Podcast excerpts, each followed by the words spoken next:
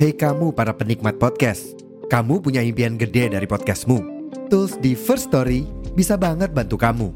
Mulai dari F-Link, Dynamic Audio Insertion, sampai statistik yang komprehensif, semua ada di First Story. Gak ketinggalan, kamu bisa monetisasi podcastmu lewat iklan dari First Story Ads yang bisa kasih kamu penghasilan dari setiap place podcastmu. Yuk gabung sekarang dengan klik di firststory.me. Sekali lagi, di firststory.me. Mari kita bawa mimpi podcastingmu menjadi kenyataan.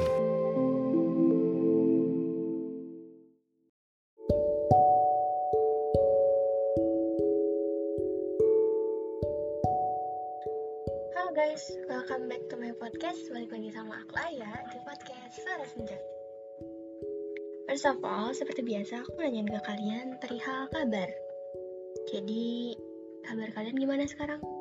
Baik-baik aja kan? Ada yang nyakitin gak sih hari ini? Kalau misalnya memang ada, ya udah let it flow aja ya Yang penting malam ini, kalian bakalan dengerin podcast ini sambil senyum-senyum Oke? Jadi di sini tuh aku mau bahas tentang orang-orang yang sudah sembuh dari luka-luka di masa lalunya, trauma-trauma di masa lalunya. Orang yang pada akhirnya sudah menemukan tempat di mana ia bisa menjadi dirinya sendiri. Tempat untuk dia pulang, tempat untuk dia mengeluarkan keluh kesahnya gitu. Dan tempat dia merasa percaya diri, merasa dicintai kembali kalau misalnya kalian udah ada di posisi itu, congratulations sih. Karena untuk mencapai posisi itu tuh susah banget dan butuh waktu yang lama. Bahkan even waktu lama pun gak menjamin kamu sembuh sepenuhnya. Because ya seperti yang kita tahu, kadang orang datang ke kehidupan kita terus tinggalin trauma, itu tuh dampaknya besar banget kan. Kayak kadang akhirnya tuh kamu jadi nggak percaya diri. Kamu ngerasa bahwa apa yang kamu dapat sekarang tuh bakalan kamu dapat lagi di orang-orang baru yang datang. Jadi ya udah di endingnya tuh kamu bakalan nutup diri kamu dari kebanyakan orang yang mencoba untuk menyembuhkan kamu itu tapi kalau misalnya sekarang kamu sudah di posisi di mana kamu sudah bisa sembuh dari luka-luka yang lama, trauma-trauma yang lama, kamu keren sih. Itu intinya kamu sudah berdamai dengan masa lalu dan kamu menerima diri kamu sendiri juga gitu.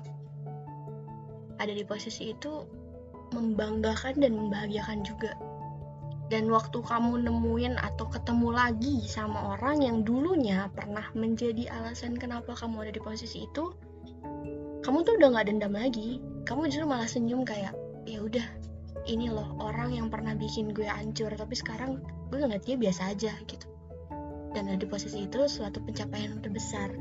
Makanya kalau misalnya kamu yang dengar ini ada di posisi ada di posisi ini gitu, ada di posisi di mana kamu sudah sembuh dan sudah baik-baik saja. Ya, I want to say congratulations of course kayak selamat gitu loh, kamu udah keren sejauh ini, kamu sudah sangat sangat sangat keren. Aku sangat mengapresiasi apa yang sudah kamu lakukan sampai sekarang. Dan satu lagi, kadang orang yang belum sembuh pun bukan berarti dia nggak mau sembuh bukan berarti dia denial dengan semua apa yang orang bilang kayak kalau terus-terusan nutup diri lu tuh nggak akan bisa nemuin bahagia lu gitu. Enggak dia tuh bukan mau nutup diri tapi dia susah. Kayak kamu gampang nyuruh orang A sampai Z tapi kamu nggak tahu apa yang sudah dia lewatkan. Kamu nggak tahu perjuangan dia kayak gimana, kamu nggak tahu susahnya dia kayak gimana untuk keluar dari posisi itu, dan kamu pun nggak tahu seberapa fatal yang orang lain lakukan ke kehidupan dia sampai akhirnya dia tidak percaya diri dan dia ada di posisi yang sangat buruk itu. Di posisi menyebalkan menurut kamu. Kayak mungkin kamu punya teman atau punya saudara atau mungkin uh, your parents juga gitu ada yang mengalami trauma dan kamu tuh ngerasa kayak apa sih kayak kayak gitu doang tuh harusnya tuh lo nikmatin lo tuh nggak boleh kayak gini terus harusnya tuh lo bangkit bla bla bla. Ya kamu kan belum merasakan. Kamu nggak pernah ada di posisi itu. Dan kamu nggak tahu sulitnya orang-orang yang ada di posisi itu untuk bertahan untuk terus-terusan bangkit. Di saat semua orang bilang kalau apa yang dia rasakan itu berlebihan. Pilihannya itu salah. Kamu nggak tahu kan? Dan ya maksud aku tuh gini kalau ada orang di sekitar kamu yang ngerasa yang bilang kalau dia trauma dia takut coba dirangkul.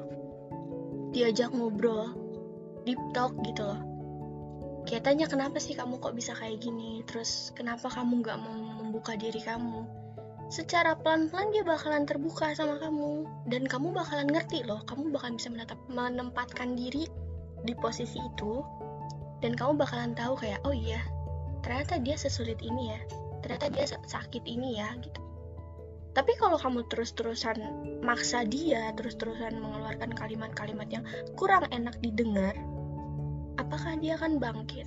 Enggak justru dia makin terpuruk. Karena dia merasa oh iya ya dia aja ngomong aku kayak gini dia aja ngajakin aku kayak gini. Berarti mungkin ke depannya akan ada banyak orang yang datang dan akan mengatakan hal yang sama. Kayak gitu jadi belajar menghargai luka seseorang dulu. Belajar menghargai posisi seseorang dulu. Sembuh dari rasa trauma sembuh dari rasa sakit itu bukan hal yang mudah. Menerima apa yang ada di diri kita setelah kita dikecewakan sedemikian rupa sama orang yang bahkan sampai sekarang nggak bilang maaf loh. Gak ngerasa bersalah sama sekali kayak mereka tuh hidupnya happy happy aja hidupnya fine fine aja sampai ada pertanyaan di otak kamu kayak gini. Kok bisa ya orang yang nyakitin aku hidup bahagia sedangkan aku nggak bisa sebahagia itu? Emang aku nggak pantas buat bahagia? Emang aku nggak pantas buat sama ngerasain apa yang mereka rasain juga gitu? Kayak gitu. Tapi kalau misalnya memang kamu ada di posisi yang ini di posisi kayak takut untuk memulai kembali takut untuk merasakan bahagia kembali coba inget-inget deh dulu sebelum kamu ketemu dia kamu pernah jadi orang yang seperti apa? Apakah kamu menjadi orang yang menye-menye juga?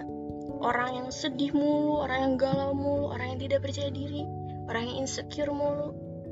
Enggak kan tapi ketika kamu ketemu dia kamu mulai jadi orang yang menye-menye dikit-dikit nangis dikit-dikit sakit hati dikit-dikit ngerasa nggak pede ya kan itu tuh bukan salah kamu tapi salah di dianya dia membawa pengaruh yang buruk untuk kamu yang sudah mempunyai kehidupan yang baik so setelah ini apakah kamu masih merasa bahwa dirimu yang buruk sampai kamu ditinggalkan begitu saja?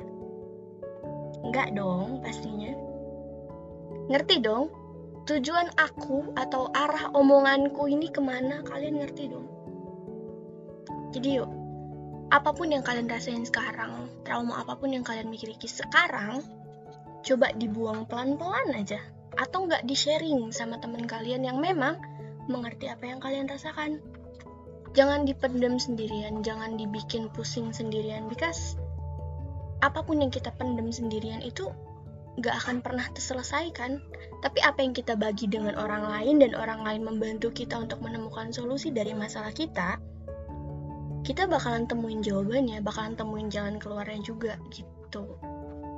Dan ya, orang yang sudah berhasil keluar dari masa-masa kelam itu, congratulations guys. Kalian sudah melakukan yang terbaik sampai sekalian eh, sampai sekarang dan kalian pun akan terus menjadi yang terbaik setelah ini. Gak apa-apa, lepasin aja dendam-dendam yang ada di pikiran kalian, yang ada di hati kalian, gak apa-apa. Apalagi kalau misalnya kalian ngerasa orang yang ngelukain kalian tuh lebih bahagia, lebih happy, gak apa-apa. Yang penting kalian sudah bahagia juga kan sekarang. Sudah bisa menerima diri sendiri dong pastinya. Jadi selamat. Semoga kalian akan terus menjadi orang yang percaya diri, orang yang sembuh dengan luka dan bakalan nemuin orang yang lebih lebih lebih lebih lebih, lebih baik lagi buat terus ngebantu kalian bangkit. Oke, okay? that's all. Thank you so much buat kalian semua yang udah denger podcast ini sampai akhir. Sorry banget kalau misalnya ada suara-suara yang kedengeran, ke distract atau bikin noise di sini. Sorry banget karena aku ngerekam dalam keadaan ngedadak banget, gak ada niat sama sekali, cuman kayak, eh, gue harus rekam ini nih. Akhirnya aku rekam seperti biasa, guys. Jadi, jangan lupa share ini pod, uh, share podcast ini ke teman-teman kalian, ke sosmed kalian of course gitu. Makasih juga buat kalian yang udah dengerin podcast aku yang sebelum-sebelumnya. ngasih feedback dan selalu ngebantu aku untuk terus berkembang. Thank you so much. Sekali lagi, jangan lupa tunggu podcast-podcast aku selanjutnya. Bye bye guys, see you on my podcast.